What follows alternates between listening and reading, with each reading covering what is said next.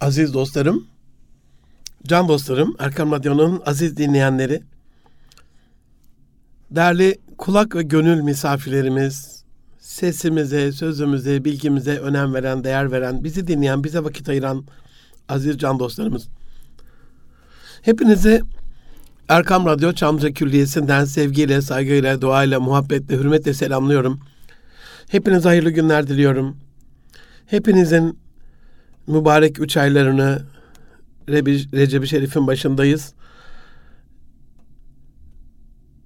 Rabbimizin ayı olan Recep-i Şerif'teyiz. İnşallah Resulullah Efendimizin ayı olan Şaban'a ve ümmetin bizlerin ayı olan Ramazan'a Rabbim bizi kavuştursun. Allahümme barik lena fi Recebe ve Şaban ve bellina Ramazan duasını Hz. Ayşe validemizin Efendimiz'den naklettiği şekliyle dillerimizde vird edelim ve bu duanın hürmetine hayırlı Ramazan'a ulaşalım. Ee, içerisinde önemli günleri, geceleri, kandilleri olan e, ve her şeyden önce Ramazan'ı ve miracı barındıran üç aylarımızı yeniden tebrik ederek başlamak istiyorum. Aziz dostlarım, Erkam Radyo'dasınız. Münir Arıkan'la Nitekli İnsan programındasınız. 2021'in 7. programında yavrularımıza temel değerlerimizi verme, onları geleceğin temel yetkinliklerine kavuşturma, sadece e, akademik ya da bilişsel bilgi donanımları değil ama manevi yönden de onları o değerlerle mücehhez kılma, onları değerlerimizle değerli hale getirmeyi sizlerle konuşacağız. Bize ulaşmak isterseniz nitelikli insan et erkamradyo.com e-mail adresinden et Münir ve et Erkam tweet adreslerinden ulaşabilirsiniz aziz dostlarım. İnsan niye yaşar can dostlarım? İnsan niye yaşar? İnsanın e, varlık gayesi nedir? İnsan dünyaya niçin gelir? Yani kulluk, ibadet amenna da kulluk, ibadetin devamlı olmasını sağlayan şey nedir? Şöyle bir şey düşünün, soruyu biraz daha açayım. Eğer aile olmasaydı, eğer evlilik olmasaydı, eğer çocukları olmasaydı, e, insanlık diye bir şey olur muydu sizce? şu anda yaşayanlar öldüğün öldüğünde dünya bitmişti. Dolayısıyla eğer eğer derken tabii ki öyle. Dünyaya gönderiliş gayemiz illel yabudun sadece kulluksa Allah'a ibadetse duamız olmasaydı bize niye önem versin ki Allah e, bütün bu e, ifadeler doğrultusunda elbette ki kulluk ana vazife, kulluk ana görev. Elbette ki kulluk ana görev ama bu kulluğun da sürdürülebilir olması, devamlı olması, sürekliliği aile olmaya bağlı. Dolayısıyla burada Mevlana Hazretleri'nin oğlu Sultan Veled'e hitaben ey oğlum Sultan Veled benim dünyaya gelme sebebim senin dünyaya gelmen içindir cümlesi herhalde e, bu anlamda duyduğum en veciz söyler, sözlerden bizim hayat gayemizi bize açıklayan en önemli e, cümlelerden bir tanesidir. Allah ebeden razı olsun ondan. Evlatlarımız olmasa, eşlerimiz olmasa, çocuklarımız olmasa e, bu kadar e, çalışmaya, çabalamayı hani çok yoğun çalışan insanlar bu emeklerinin karşılığında alacakları helal rızık için e, bu emek biraz eğer e, dışarı, dışarıdan bakıldığında yorucu gibi falan gözükse ama evladım e, evde evladı yel var derler. Yani onların hatırına e, girilen bir çabadır. E, onların e, adına e, altına girilen bir yüktür. Onların adına verilen bir mücadeledir. Kişi e, tek başına kalsa belki bu kadar yoğun, e, bu kadar e, sıkıntılı, belki bu kadar ağır yüklerin altına girmeyebilir. Tek kişilik bir hayat. İnsan sosyal bir varlık ve Resulullah Efendimiz de bizim kaliteli çokluğumuzla övünecekse keyfiyet ve kemiyeti de burada unutmayalım.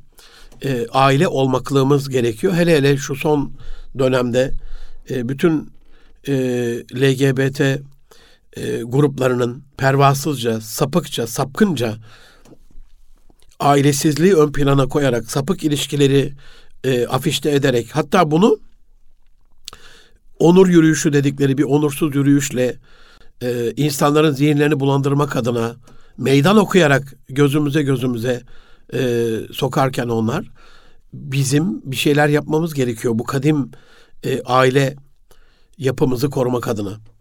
Can dostlarım, aile tek başına ayakta duracak bir e, yapı değil. Nitelikli insan programındasınız. E, bazen aklınıza hocam e, ailede huzur araçları programında değilsiniz falan gibi bir uyarı yapmak gelebilir ama insanı konuşuyoruz. İnsanın aileye hazırlığı aslında bu değerler. Dolayısıyla aile tek başına böyle kendinden e, hokus pokusla olabilecek bir şey değil. Aileyi aile yapan insan hem e, bir dişi hem bir erkekle oluşan e, ve onlardan doğacak e, çocuklarla zürriyeti daim kılacak olan bir yapı. Bu yapının işte asıl unsuru insan, onun da asıl unsuru bizi biz yapan yazılım kodlarımız olan değerler, inançlarımız. Değerler bu anlamda aziz dostlarım, e, bu uzun girizgahtan sonra bu haftanın konusuna gelecek olursak, değerlerimiz, bir bunları çocuklarımıza nasıl verebiliriz? Bu programı onlara nasıl yükleyebiliriz? Bazen yüklenen bir programı bilgisayar kabul etmez ya. Error verir, çöker, ağır gelir.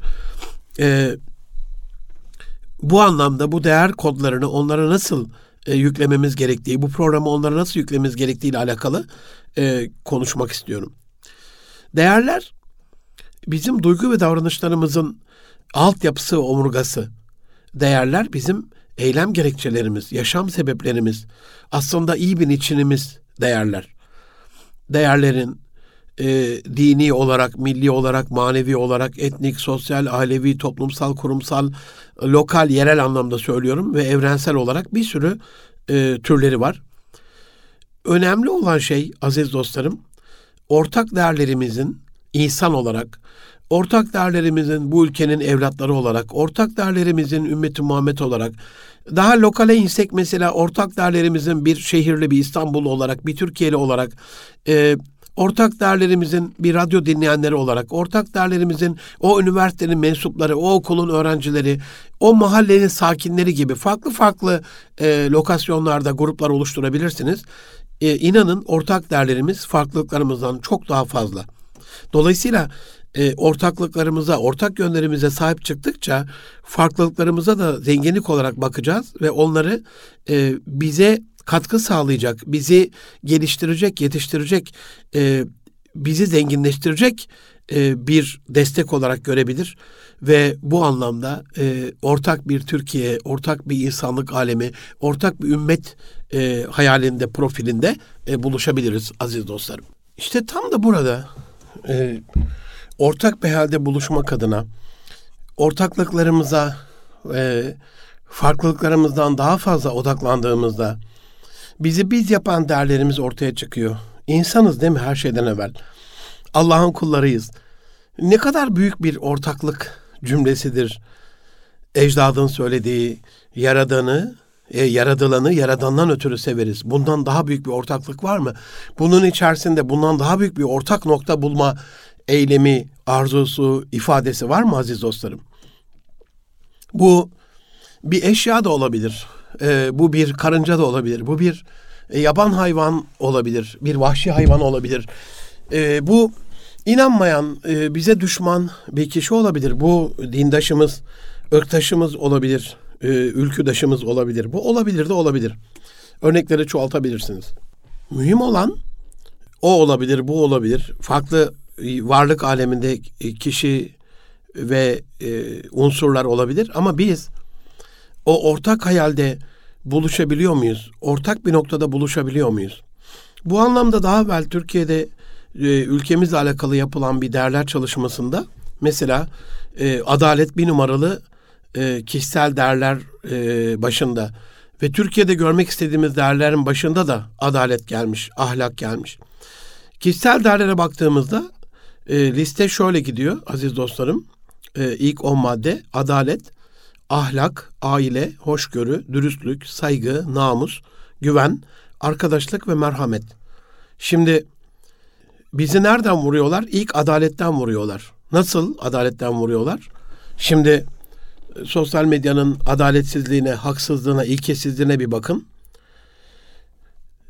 Sayın Bakanımız LGBT ile alakalı Süleyman Soylu Beyefendi bir açıklama yaptığında Boğaziçi e, Üniversitesi protestolarında o LGBT bayraklarını afişte eden, onlarla devlete, aileye, topluma, maneviyata, e, Kabe-i Muazzama'yı bile onların o paçavralarına e, alet edecek düzeyde e, yerlere sererek böyle tahkir etmeye çalışarak davranan o sapkınlara e, herhalde bir, bir e, söyleyecek sözümüz vardır değil mi? Vardı da zaten Süleyman Soylu Bakanımızın söyledi. Ne oldu? Twitter bunu bir tehdit olarak algıladı e, ve görünümünü kısıtladı bu tweetin. Ama Peygamber Efendimiz Resulullah Efendimiz sallallahu aleyhi ve selleme Fransa'da e, Emmanuel Macron'un bütün kamu binalarının cephesine 100 metre, 200 metre, 50 metre, 150 metrelik afişler olarak o karikatürleri sapkınca, pervasızca e, asmasını ne olarak gördü? İfade özgürlüğü olarak gördü. Charlie Hebdo'nun sapkınları Peygamber Efendimiz'le alakalı o kalemlerini kirletirken, sapkın sapkın karikatürler çizerken o karikatürlerin paylaşımını teşvik etti. Ama o sapkınlarla alakalı siz bir ifadede bulunduğunuzda onu ifade özgürlüğü saymadı. Onun için adaletten vuruyorlar dedim bizi. Hani e, adalet gibi, demokrasi gibi, mesela laiklik gibi e, sözüm ona bir değer ortaya koyuyorlar. Adaletin sözüm ona bir değer olduğunu ifade etmiyorum burada. Onların bakış açısıyla e, onların bakış açısıyla bir şey oluşturuyorlar. Laiklik mesela nedir laiklik? Bize e, 100-150 yıllık bir mazisi olan bir şey. Fransa'dan ithal sözüm ona bir değer. Ne diyordu bu değer? E, din ve vicdan özgürlüğü diyordu. Din hürriyeti diyordu. Dinin baskı altına alınmaması diyordu. Bir grubun diğer grubu baskı altına almaması diyordu. E, din ve vicdan hürriyetini, özgürlüğünü, özgürce yaşayabilme e, ülküsünü ifade ediyordu. Devletin bunu garanti altına almasını ifade ediyordu. En son karikatür krizinde gördük ki şu anda Avrupa'da yaşayan Müslüman din kardeşlerimize yapılan zulümlerle gördük ki son 30 yıldan beri Batı'nın e, özellikle Bush'un başlattığı Haçlı seferleri de ifade ettiği 11 Eylül sonrasındaki bütün e, saldırılarında gördük ki laiklik falan diye bir şey yokmuş. Onlar demokrasiyi de Irak'a demokrasi gelecekti sözde değil mi? Bakın bir değer çarpıtması ancak bu kadar rezil bir şekilde yapılabilir. Kaldı ki hani e, demokrasiyi bir değer olarak görebiliriz. Adalet elbette bir değerdir ama biz laikliği e, bir değer olarak göremeyiz. İlla adına laiklik demeye gerek yok ki bu koca şehri şu anda içinde bulunduğumuz bu şehri İstanbul'u fetheden Fatih Sultan Mehmet ecdadımız evet orada din ve vicdan özgürlüğünü sağlayarak Hristiyanların, Yahudilerin, e, Ermenilerin, Rumların, e, Süryanilerin kim varsa değişik dinden, e, meşrepten, e, milliyetten insanların burada kardeşçe yaşamasını sağladı mı, sağlamadı mı? Sağladı. O zaman tekrardan devşirme, ithal değerlere ihtiyacımız yok ki bizim.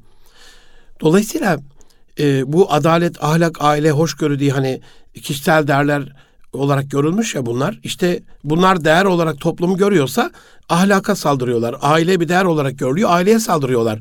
Hoşgörü bir değer olarak oluşuyor, ona saldırıyorlar. Dürüstlük bir değer, e, ona saldırıyorlar. Şimdi dürüstlük. Türkiye Cumhuriyeti'nde kime sorsanız bunu bir değersiz e, bir şeyle ifade eder. Bunu bir değer olarak görür herkes. Peki şu anda çocuklarımız sınavlarını nasıl geçiyorlar? Anne babalar olarak dürüstçe söyleyebilir miyiz? Kopya çekmiyorlar diyebilir miyiz? Son bir yıldan beri koronada eğitim online'a düştükten sonra hani dürüstlük bir değerdi. Şunu söyleyebilir miyiz? Öğretmenlerimiz e, soruları kopya çekmeden hazırlıyor. Sorular kendi özgün soruları. O koskoca anlı şanlı profesörlerimiz soruları internetten bulup copy paste'le yapmıyor. Sınavları böyle yapmıyor diyebilir miyiz? İnanın ben diyemem. Bir sürü tespitlerim var böyle. Bunu ifşa edip etmemekle e, tereddüt yaşıyorum. Ediple etmemek arasında kalıyorum. Fitne çıkmasın diye isim vermiyorum ama yüreğim yanıyor. Bu Türkiye'ye bir fatura olarak gelecek aziz dostlarım. Şu anda bu değersizlik mesela dürüstlükle alakalı. Dürüstlük bir değer ama biz bunu çocuklarımıza vermezsek aslında şu andaki sınavlarından geçiyor gibi görünecekler. Evet geçiyorlar. Dünya ayağa kalkıyor. Üniversitelerde kişisel mahremiyetmiş. Ya böyle bir değeriniz yok ki sizin. Mahremiyetle alakalı bir e, şeyiniz yok ki. Pervasız bir hayat yaşıyorsunuz. Ne zamandan beri kişisel mahremiyet sizin umrunuzda oldu? Neden? Çünkü kamera konulursa kopya çektikleri görülecek. Bütün feryatları üniversitelerin bundan dolayı. Şu anda sınavı geçiyorlar. Güzel. Şu anda notlar güzel. O da güzel. Peki beş sene sonra bunun faturasını Türkiye Cumhuriyeti olarak biz çekmeyecek miyiz? İş dünyası çekmeyecek mi? Sivil toplum çekmeyecek mi? Aileler çekmeyecek mi? Kurumlar çekmeyecek mi? Kamu çekmeyecek mi bunun yükünü? Mezun olan çocuklar iş başvurusuna geldiğinde bomboş tam takır kuru bakır böyle teneke gibi e, boş boş olduklarını görmeyecek miyiz? Bu bir fatura değil mi aziz dostlarım? Dolayısıyla e, ona saldırıyorlar. O anlamda söylüyorum. Saygı mesela. Saygı bir değer. Ne yapıyorlar? Ya ama çok affedersiniz. Özür diliyorum bu mikrofonları kirletmek haddim değil ama beni affedin. O ihtiyar moruklara saygı yapıp da ne yapacaksın? Bu devirde böyle olmaz. Gençsin sen, özgürlüğünü yaşa, keyfine bak. Bu senin hayatın. Bir de böyle bir şey çıktı yani. Bu benim hayatım ama büyüklere saygısızlığı ortaya koymuyor. Komşunun komşuya, trafikteki yol arkadaşının yol arkadaşına e, aynı şehirde, aynı ülkede, aynı bölgede yaşayan insanların, aynı dünyada yaşayan e, insanların birbirine olan saygısı kalmamış durumda. Namus en fazla e, üzerinde dejenere etmeye çalıştıkları, yok etmeye çalıştıkları kavramlardan bir tanesi. Efendim işte namuslu olmak e, iki dudakla iki bacak arasında mıdır? Ben, benim kalbim temiz. Siz o, tür, o tarz şeylere bakmayın. En kadim derlerimizden bir tanesini televizyonlarda hiç e, ne olursunuz e, burayı atlamayın, pas geçmeyin. 40 yıl evvelden, 50 yıl evvelden başladıkları böyle e, yavaş yavaş televizyonların inkişafıyla, evlere dağılmasıyla haftada bir verdikleri filmlerin içerisinde inanın bütün samimiyetimle söylüyorum minik minik minik yerleştirdikleri öpüşme sahnesiyle namusu dejenere etmeye çalıştılar. 1900 yıllara bakın hatta birinci ikinci dünya savaşına kadar Avrupa'nın Amerika'nın haline bakın elbiseler e, aşağı kadar gelir topuğa kadar gelir Eller eldivenli, başlar örtülüdür. İnsanlar öyle pervasız değildir. Kılık kıyafetler e, çok edeplidir. Hayasızca değildir. Ama ne oldu sonrasında? Onu da e, namus kavramının içini boşaltarak ya namus kılık kıyafete davranışa eyleme falan bağlı değil. O insanın kalbinde olur, beyninde olur, aklında olur, inancında olur. Hayatta istediğini yap özgürlüğüyle sözüm ona e, insanları şu anda getirdikleri noktaya bakın. Yolları da e, Avrupa'da, Amerika'da çırılçıplak dolaşmaya başladılar. Ahlak dediğimiz şey, güven dediğimiz şey bu dev, bu devirde babana bile güvenmeyeceksin cümlesi aslında o güvene karşı atılan bir oktur. Oradan vurdular bizi. Arkadaşlık, merhamet. Bütün bunların içerisinde, bu kişisel değerlerin içerisinde aziz dostlarım, biz Türkiye'de e, bu yapılan araştırmada adaleti, ahlakı, güveni, saygıyı, huzuru, eşitliği, refahı, dürüstlüğü, aileyi ve çevre bilincini görmek istiyormuşuz. Ama e, çevreyle alakalı bugün bakın e, hangimiz acaba e, çevre duyarlılığı, sularımız e, azalıyor. İçilebilir sular e, azalıyor. Barajlarımızın su seviyesi elhamdülillah şu anda yağan karla biraz artacak gibi görünüyor ama e, inanılmaz seviyede azalmış durumda. Yüzde 40, 50, 60 arasında. A- ama buna rağmen acaba hangimiz abdest alırken e, fıkhi bir hüküm olarak e, üç yudum suyun abdest almaya e, yetmesine e, ait bir fetva bulunmasına rağmen hani kolunuzu yıkadıktan sonra bir damla böyle ya da birkaç damla su damlıyorsa oradan o yıkanmış ya da o kolunuz e, abdest alacak şekilde e, sıvanmış oluyor suyla. Üç yudum, hadi altı yudum diyelim, altmış yudum diyelim, altı yüz yudum diyelim. Litrelerce suyu boşa akıtıyoruz. Bununla alakalı e, minik bir öneriyi bu çevre korumayla ilgili, çevre bilinciyle ilgili, dünyayı korumayla ilgili, e, belki suyumuzu muhafaza etmeyle ilgili e, ailemizde uygulayabiliriz diye minik bir e, ipucu olarak size e, arz etmek isterim. aziz dostlarım e, lavaboların hani üstten bataryayı açtığımızda foş diye akar ya aslında o lavabonun altına indiğimizde iki tane küçük e, vananın olduğunu göreceğiz. Minik vanaların. Onları biraz kısabiliriz. İlla su böyle boca edilmez. Son dönemde birkaç tane yerde gittiğim yerde bir otelde de gördüm. Ee, normalde hani çam oluklarıyla yapılan pınarlar vardır ya böyle çamı oyarak e, bir oluk şeklinde pınar akar hani. Aynı musluğun ucunu da öyle yapmışlar. Dolayısıyla ucu size doğru dönük. E, iyice açamıyorsunuz. Belli belli belli bir şeyde çünkü size doğru fışkıracak su. Zaten sonuna kadar açsanız da böyle e, çok kısık bir şekilde e, akıyor. Eskiler buna çok değer vermişler. Çevre bilinci bizden çok daha fazlaymış. Su duyarlılığı, suyun bol vaktinde bile bizden çok daha fazlaymış. Abdest alma ibriklerini hatırlıyorum dedemlerin, e, babaannemlerin. İncecik akardı. Böyle ipil ipil, azar azar böyle çok çok e, ince bir şekilde e, akardı. Ve onunla e, abdestlerini alırlardı. Eskinin bu değerleri onlar yaşadığı için bize çok daha değerli geliyor şu anda. Bizim için sadece tarih kitaplarında böyle nostaljik bir tur gibi geliyor. Ee, yapacağımız daha çok fazla şeyler vardır ama hani bu bu küçük hatırlatmayla e, küçük bir ara vermek istiyorum ama değerlerimizi konuşmaya devam edeceğiz aziz dostlarım. Az sonra yeniden görüşmek üzere. Buluşma noktamız Erkam Radyo. Aziz dostlarım, can dostlarım, Erkam Radyo'nun aziz dinleyenleri, değerli kulak ve gönül misafirlerimiz. Erkam Radyo'da Münir Arıkan'la Nitelikli İnsan programındasınız. Kısa bir yerden sonra yeniden sizlerle beraberiz. 2021'in 7. programında e, çocuklarımıza vermemiz gereken, onlara kazandırmamız gereken temel değerleri, ana değerleri ifade ediyorduk. Biraz girik, gezigah uzun oldu ama e, hakkınızın helalliğini diliyorum. Batı'nın en son konuştuğumuz şey kendi değersizliğini bir şekilde bize empoze ettiğini, enjekte ettiğini, e, bunu filmlerle, çizgi filmlerle, e, oyunlarla, oyuncaklarla, e, modayla, medyayla, sosyal medyayla bir şekilde e, genlerimize kadar, hücrelerimize kadar e, işlediğini biliyoruz. Peki bir küçük beyanı var e, Sayın Cumhurbaşkanımızın. Çocuklarımıza eğitimle ilgili hep yakınır ya bu bizim e, başarısız olduğumuz alanlardan bir tanesi diye kültür, eğitim, sanat, şehircilik, aile. İki gün evvel aileyi de bunun içerisine kattı. Çok çok üzgünüm bir aile koçu olarak ama e, durumda böyle. Bir şey yapmazsanız aziz dostlarım olmaz ki.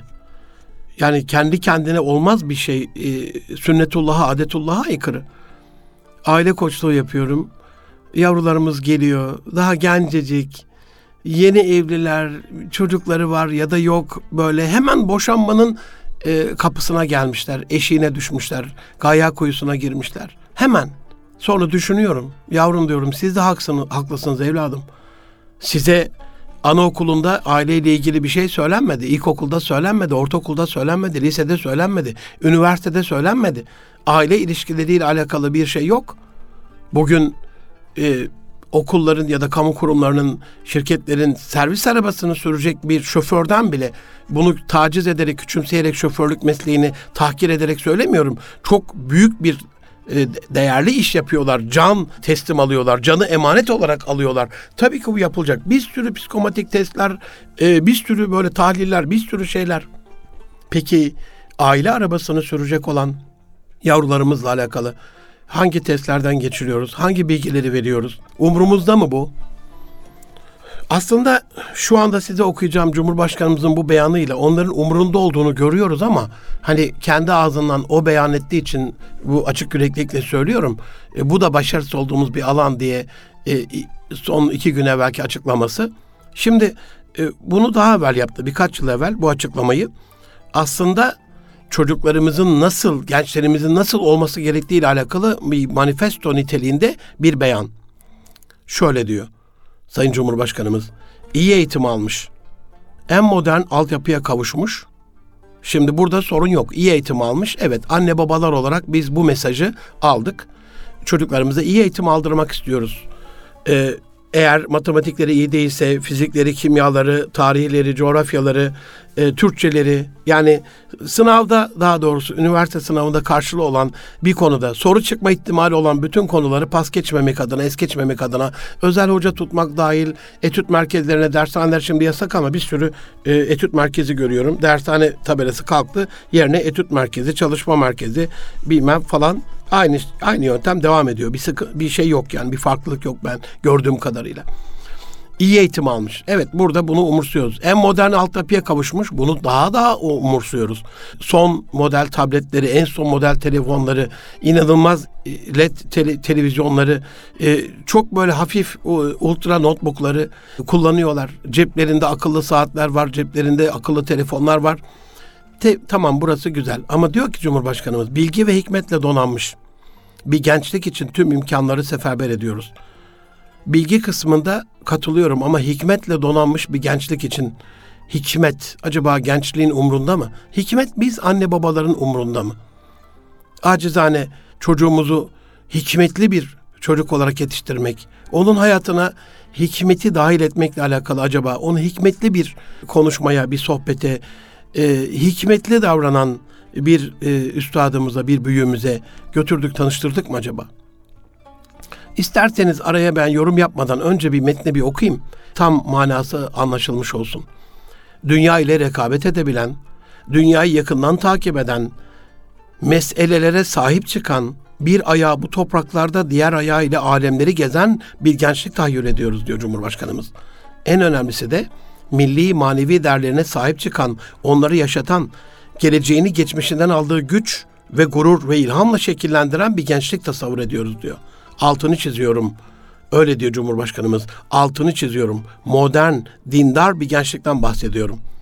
Dininin, dilinin, beyninin, ilminin, ırzının, evinin, kalbinin davacısı bir gençlikten bahsediyorum diyor. Kökü ezelde, dalı ebette bir sistemin aşkına, vecdine, diyalektiğine, estetiğine, irfanına ve idrakine sahip bir gençlikten bahsediyorum. Allah razı olsun.'' Çok teşekkür ediyoruz. Tespitler muhteşem. Aziz dostlarım, bu, bu burada bahsedilen, bu deklarasyonda, bu beyanda bahsedilen unsurların hayatımıza dahil olmasıyla alakalı. Mesela bir örnek vereyim. Dünya ile rekabet edebilen. Şimdi eğer çocuklarımız evde korona döneminde kopya çekerek sınavlara giriyorsa, anne baba olarak biz bunu tolere ediyorsak, bu bize şirin geliyorsa Aa ben geçtim nasıl olsa diye bakıyor sonra size yemin ederim dünya ile rekabet edemeyecek bu çocuklar. Bir buçuk milyarı aşkın nüfusuyla bizim nüfusumuz kadar süper zekası olan bir Çin var. 21 trilyon dolarlık Amerika var. 16 trilyon dolarlık Çin var. 5 trilyon dolarlık Japonya var. 4 trilyon dolarlık Almanya var. ASEAN ülkeleriyle birlik kuran Çin'in dünya ticaretinin %33'lük bir kısmına talip olması, bunları yönetme isteği var. 35 ya da 30 30 trilyon dolarlık bir gücü kontrol etmesi var. Bu şu demek yani bir gelecek okuyucusu değilim haşa kehanette bulunmuyorum ama şu anda bu oluşum onların çok daha güçlü fabrikalar kuracağı, çok daha akıllı fabrikalar kuracağı, çok daha Endüstri 4.0'a ait dün bir tablo inceledim. Dünya e, haritasında Endüstri 4.0'a göre fabrikalarını akıllandırmış, e, sensörle, robotla donatmış fabrikaların Avrupa Birliği ve e, Japonya, Çin taraflarında biraz Malezya, Singapur yoğunluğu da vardı haritada. Türkiye'de işte Petkim girmiş. Aleha Petkim. Peki nasıl rekabet edeceğiz? Dünyayı yakından takip eden diyor. Çocuklarımız dünyayı yakından takip ediyorlar mı? Sosyal medyada e, artistleri, modayı, e, en güzel kafe nerede açılmış onu, en sapkın e, fenomen YouTuber ne saçmalık yapmış onu, en sapık şekilde bilgisayarı oynayıp küfürlerle jargon kesen fenomen e, nasıl oyun oynamış onu takip eden gençlikten ya da çocuktan bahsetmiyorum. Gerçekten dünyayı yakından takip ediyor mu çocuklarımız? Meselelere sahip çıkan diyor Cumhurbaşkanımız. Aziz dostlarım biz kendi meselemize bile sahip çıkmadan çocuklarımız meselelerimize nasıl sahip çıkar? Bakın karşı grup illa oncu buncu şuncu dinci ikinci olarak görmüyorum bunu ama e, meşhur ve son günlerin e, aktüel bir örneği olduğu için gündemdeki bir örneği olduğu için söylüyorum. Cumhurbaşkanımız bir rektör atadı Boğaz içine. Gayet de resmi, gayet de yasal, gayet de bugüne kadar olduğu şekliyle. Daha farklı yöntemler olabilirdi. Ben o kısma girmiyorum. Twitter'dan paylaştım. Daha daha şık, daha kibar, daha farklı bir yöntem de seçilebilirdi ama seçilmedi. Onun tasarrufu Cumhurbaşkanı yani bu e, rektör atamasını yapacak kişi kanunen anayasanın verdiği yetkiyle, güçle bunu yapan kişi. Ne yaptılar? Yunanistan'dan tepkiler geliyor, Amerika'dan tepkiler geliyor, Almanya'dan tepkiler geliyor. Öğrenciler güya bizim için yürüyorlar. Böyle bir şey olabilir mi? Siz inanıyor musunuz? Yüz yıl evvel bu ülkeye gelip işgal eden Yunan gençleri bu ülkedeki evlatlarımızın bir hakkı için sizce yürür mü? Mesele büyük. LGBT ile alakalı o bayrakları açmaları boş yerine değil. Bunlar belli bir komünitenin, belli bir komitenin, belli bir ahlaksızlığın, çirkefliğin üyeleri. Yayılmışlar dünyaya, birbirini koruyorlar. Melih Bulu'nun atanmasına karşı seslerini nasıl yükselttiklerini, polisleri nasıl taşladıklarını, arabaları nasıl saldırdıklarını, polisleri nasıl tekmediklerini hep beraber gördük. Kabe'ye karşı saygısızlığı gördük. LGBT paçavlarıyla üniversite bahçesinde, orası dans e, merkezi değil. Orası bir ilim yuvası. Üniversite. Hani hikmet diyoruz ya işte hikmetin merkezi olacak yerde LGBT bayraklarıyla bir baş kaldır. Onlar işte dünyayı yakından takip edip meselelerine sahip çıkan bir gençlik oluyor. Biz de uzaktan izlemekle yetiniyoruz. Bunu söylerken hani gidip dövelim bilmem neyi basalım falan böyle bir şey demiyorum. Haşa asla. Ama meselelere sahip çıkmak adına biz de anlatalım. Biz de bunun ne kadar hukuki olduğunu, bunun ne kadar olması gereken bir mes- şey olduğunu. iki tane bölüm kuruluyor. Kurulabilir. Kurulmalıdır da. Şimdi iki tane bölüm kuruldu diye dünyayı ayağa kaldıran sözüm ona demokratlar, özgürlükçüler, ona sonra modernler, çağdaşlar 13 tane şehidimizin olduğu bir yerde suspus oluyorlar. Hadi burada da sesinizi yükseltin. Gezi Parkı'nda bir tane kırmızılı kadın diye çok meşhur olan bir göstericiye biber gazı sıktı diye Amerika'dan bir eleştiri aldı, protesto aldı. BBC'de, CNN'de ne kadar program yaptılar üst üste hatırlayın. Ama bir mağarada masum bir şekilde kaçırılıp e, onca yıl bekletilip infaz edilen, şehit edilen 13 şehidimizi görmezden geldiler. Onun için hani sözüm ona değerler diyorum onlar için. Peki bizim için sözüm ona değerler değil bunlar. Bir ayağı bu topraklarda bir ayağı alemleri gezen. Peki anne baba olarak çocuklarımızın dünyayı gezmesine Kusiru fil ardı emri de olmasına rağmen Kur'an-ı Kerim'de epey bir yerde 4-5 tane hatırladığım kadarıyla yerde dünyayı gezin ayetleri bizim için bir emir olmasına rağmen acaba çocuklarımızın gezmesiyle alakalı bir işlem, bir eylem, bir plan yapıyor muyuz? milli ve manevi değerlere sahip çıkan diyor Cumhurbaşkanımız. Onları yaşatan. Acaba kendi evimizde milli ve manevi değerler yaşıyor mu? Mübarek aylardayız. Çocuklarımın küçüklüğünde akıl bali olmadan önceki hayatlarında kandilleri, arefeleri, bayramları, ramazanları süsledim yıllarca. İmrenmesinler de yılbaşı süslerine özel kandillerle, ışıklı kandillerle, çok özel rengarenk süslerle süsledim. Hoş geldin Ramazan yaşasın teravih bizim evimizin mottosuydu, cıngılıydı. El ele tutuşur, hoş geldin Ramazan yaşasın teravih derdik. Amacım bu, bu cıngılın, bu mottonun arka planda hep çalması. Hani bazı şeyler reklamlardaki cıngıllar arka fonda çalar ya sürekli bir izlersiniz ama bin defa da arkadan döner. Öyle olsun bilinçaltına işlesin diye. Ramazanların, kandillerin, bayramların, arefelerin özel bir yeri oldu onun için çocuklarım için. Peki acaba şu anda evimizde hani milli ve manevi değerlere sahip çıkan diyor Sayın Cumhurbaşkanımız. Acaba evlerimizde elin oğlu yılbaşının Noel'in geldiğini çizgi filmleriyle, alışverişteki çılgınlıklarıyla, yaptığı kampanyalarıyla, çok özel sosyal medyadaki atılımlarıyla hücrelerimize, genlerimize kadar işliyor. Peki biz üç ayların, mübarek üç ayların geldiğini acaba kendi evimizde işleyebildik mi? O, o manevi değeri yavrularımıza bir değer olarak verebildik mi? Öfkeliysek daha öfkesiz bir baba, daha öfkesiz bir anne olabildik mi? Biraz elimiz sıkıysa, biraz cimriysek, üç ayların hürmetine biraz daha cömert olabildik mi? Onlar olan davranışımız biraz daha şefkat ve merhamet sınırına gelebildi mi? Aziz dostlarım, bu değerler yaşamadığı takdirde bu gençlik sadece söylemlerle, kanalize edilen, ondan sonra da hani bunun acısını yıllarca çekti bizim nesil. Biz zannediyorduk ki yetiştirilme tarzım itibarıyla kurumlara sahip çıkmadığımız için, kurumların önemini bilmediğimiz için, sivil toplumda örgütlenemediğimiz için biz zannediyorduk ki sandıklar gelince oraya bir tane oy pusulası atılınca Türkiye değişecek. O neler varmış neler varmış. O köşe taşları hep tutulmuş. Onlar bize bir koz olarak kullanılıyormuş. Bir güç olarak kullanılıyormuş. Çok enteresan. Akşam gözüm yaşlı bir şekilde Merve Kavakçı hanımefendinin şu anda Cumhurbaşkanımızın danışmanı olan yavrusuyla alakalı, kızıyla alakalı 28 Şubat döneminde iki tane kızının elinden tutup yuhalanmalar eşliğinde bir ilkokul bahçesinde küçücük bebeler tarafından mavi önlüklü beyaz yakalı küçücük bebeler tarafından Türkiye layıktır layık kalacak saçmalığıyla sapkınlığıyla sapıklığıyla yuhalanarak böyle e, kaçarcasına uzaklaştığını videosunu izledim. Yüreğime dokundu. Evet öbür taraf laiklik bir saçmalık bile olsa laiklik sözüm ona asla artık bir değer değil. Fransa'da çıktı laiklik ve Fransızlar bunu tarihe gömdü artık laiklik aklı başında bir insan için asla ve asla dinin bir garantisi olamaz. Asla. Olmadı zaten de öyle yutturuyorlardı ama en son geldiğimiz noktada dinin onların tahakküm altında olduğunu gördük. Ama ona sahip çıkan insanlar bunu o küçücük çocuklarına bile vermişken acaba biz o, o değerleri yavrularımıza niye veremiyoruz diye düşünmenizi, düşünmemizi istirham ediyorum. Aziz dostlarım, küçük bir e, şeyle bitireyim.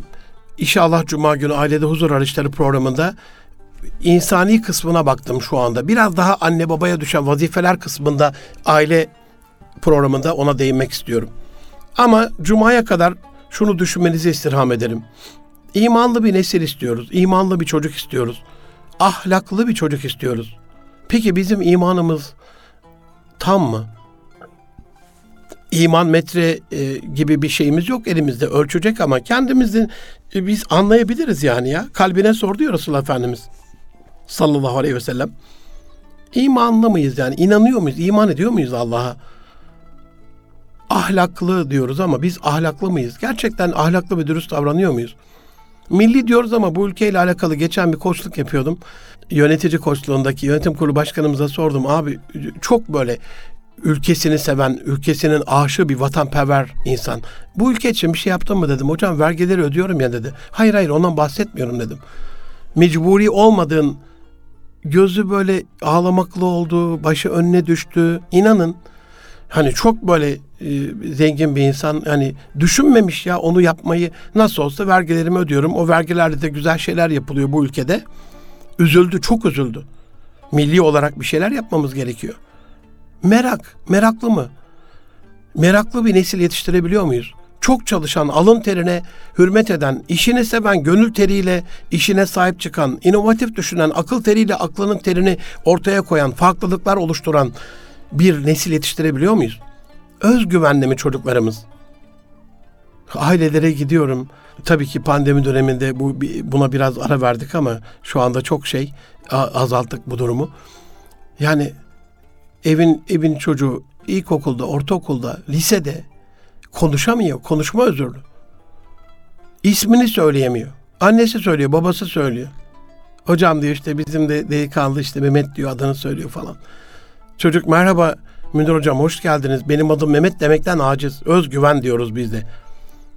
Kararlarımız, karar verme süreçlerimiz, keşfedici bir gözle dünyaya bakışımız, veriye, veri madenciliği anlamına data mining deniyor ya, hakimiyetimiz, girişimciliğimiz, rekabetçiliğimiz, problem çözücülüğümüz, iletişimimizin iyi olması, düşüncemizin eleştirel düşünceyle kendimizi de eleştirmesi, yabancı dilimizin olması, dünyayı anlamamız, ekip çalışmasıyla tek kişilik başarı peşinde, yıldız oyuncu peşinde değil, ekiple beraber başarıya inanmamız, teknolojiyi ona hakim bir şekilde yararımıza kullanmak adına, ondan bir bilgi üretmek adına onu kullanmamız ve her şeyden önemlisi bütün bunları sosyal bir fayda adına, manevi bir e, fayda ve sevap adına, Allah rızası için, topluma bir katkımız olsun diye, insanlara bir iyiliğimiz dokunsun diye, o o amaçla sa- sadece şahsımıza değil, hani diyor ya bir filozof, hayat sadece kazandıklarını harcayarak hayatına devam ettirme sanatı değil, devam ettirme e, eylemi değil, verdiklerinle yepyeni hayatlar başlatabilme sanatıdır. Acaba bilgimizle, acaba e, tasadduklarımızla, yardımlarımızla, acaba bir insanın hayatına dokunuşlarımızla, dün Doğan Düzeloğlu hocam vefat etti. Ayağa kayarak düşmüş. Allah rahmet eylesin. E, Ben Twitter'da öyle paylaştım. Düşen insanları kaldırmasıyla bildiğimiz, tanıdığımız, özellikle manevi açıdan, özellikle bilişsel açıdan, özellikle özgüveni ayaklar altında yerlere düşmüş, eksilere düşmüş insanları ayağa kaldırmasıyla bilirdik onu. Baki kalan kubbede hoş bir seda. İnşallah her birimiz sadece bu değerleri kendi içine, kendi nefsine, Rabbena hep bana şeklinde değil de birazcık da böyle çevremizdeki insanlar için ailemizden başlayarak onlar için kullandığımız bir hayat yaşamayı hedefleriz inşallah. Topluma katkımız, e, sosyal manada bir hayır hasenatımız olur. Sosyal bir varlık olduğumuzun farkına varırız. Biraz daha böyle sivil toplumda, vakıfta, derneklerde daha daha aktif bir şekilde meselelere sahip çıkmak adına söylüyorum. Tek kişilik bir mücadele değil aziz dostlarım bu. Ne LGBT ile alakalı, ne aileye karşı, ne insanımızın kalitesine karşı, ne bizim e, gelecek neslimizin dumura uğratılmasına karşı yapacak, yapacağımız ve yapabileceğimiz mücadele asla ve asla tek kişilik değil. Değerlerinizi özellikle Mevlana Hazretleri'nin ey oğlum sultan velet benim dünyaya gelme sebebim senin dünyaya gelmen içindir ifadesinde sözünde anlattığı gibi ifade ettiği gibi hayat ve varlık sebebimiz olan çocuklarımıza daha iyi aktarabildiğimiz, onları daha iyi bir geleceğe hazırladığımız bir gelecekte görüşmek üzere. Allah'a emanet olun, hoşça kalın efendim.